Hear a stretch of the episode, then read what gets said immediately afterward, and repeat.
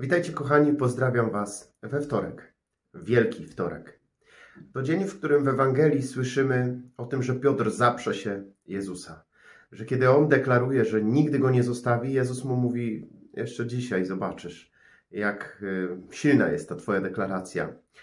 To pokazuje również nam, że i nasze te zapały często są słomiane, że nasze mm, pragnienie zmiany, nasze decyzje, nasze deklaracje czasami są bardzo płonne i takie bardzo mało wartościowe. Bóg o tym wie i nas przez to nie odrzuca. I to jest w Bogu piękne, że pomimo tego, że Piotr, który składa tak ważną deklarację, za chwilę e, nawala, to i tak zostaje skałą, i tak zostaje głową Kościoła. Jezus umocnił go swoją mocą, nie bazował na jego sile. To jest dla nas bardzo pocieszające. To jest dla nas bardzo wzmacniające, bo my często doświadczamy swojej słabości. E, często doświadczamy tego, że dzisiaj coś deklaruję, a jutro żyję tak, jakbym zupełnie nic nie obiecywał. A Bóg patrzy na to i daje swoją moc, swoją siłę. To nie na swojej mocy mam bazować, to nie na swojej sile, swoim sprycie, inteligencji itd. Tak Bóg się tym posłuży, spokojnie, ale to nie jest cała moja nadzieja. Zdecydowanie nie. Moją nadzieją jest Pan Bóg i to, co On mi daje, i tego się chcemy y, trzymać. Natomiast dzisiejszy tekst, który chcę Wam zostawić, kochani, to jest tekst z pieśni z księgi Izajasza z 38 rozdziału.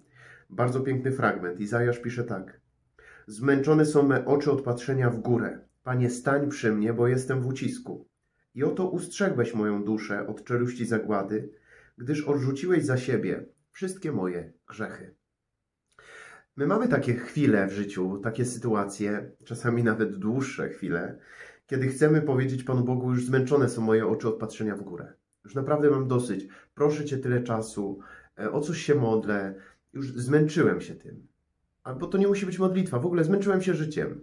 Zmęczyłem się moimi obowiązkami, zmęczyłem się tym, co mnie na co dzień e, frustruje, denerwuje. Zmęczone są me oczy od patrzenia w górę. Panie, stań przy mnie, bo jestem w ucisku. Po prostu czuję jakiś ucisk w sobie, jakiś, jakiś taki ból wewnętrzny, z którym nie potrafię sobie poradzić. Panie, stań przy mnie, bo jestem w ucisku.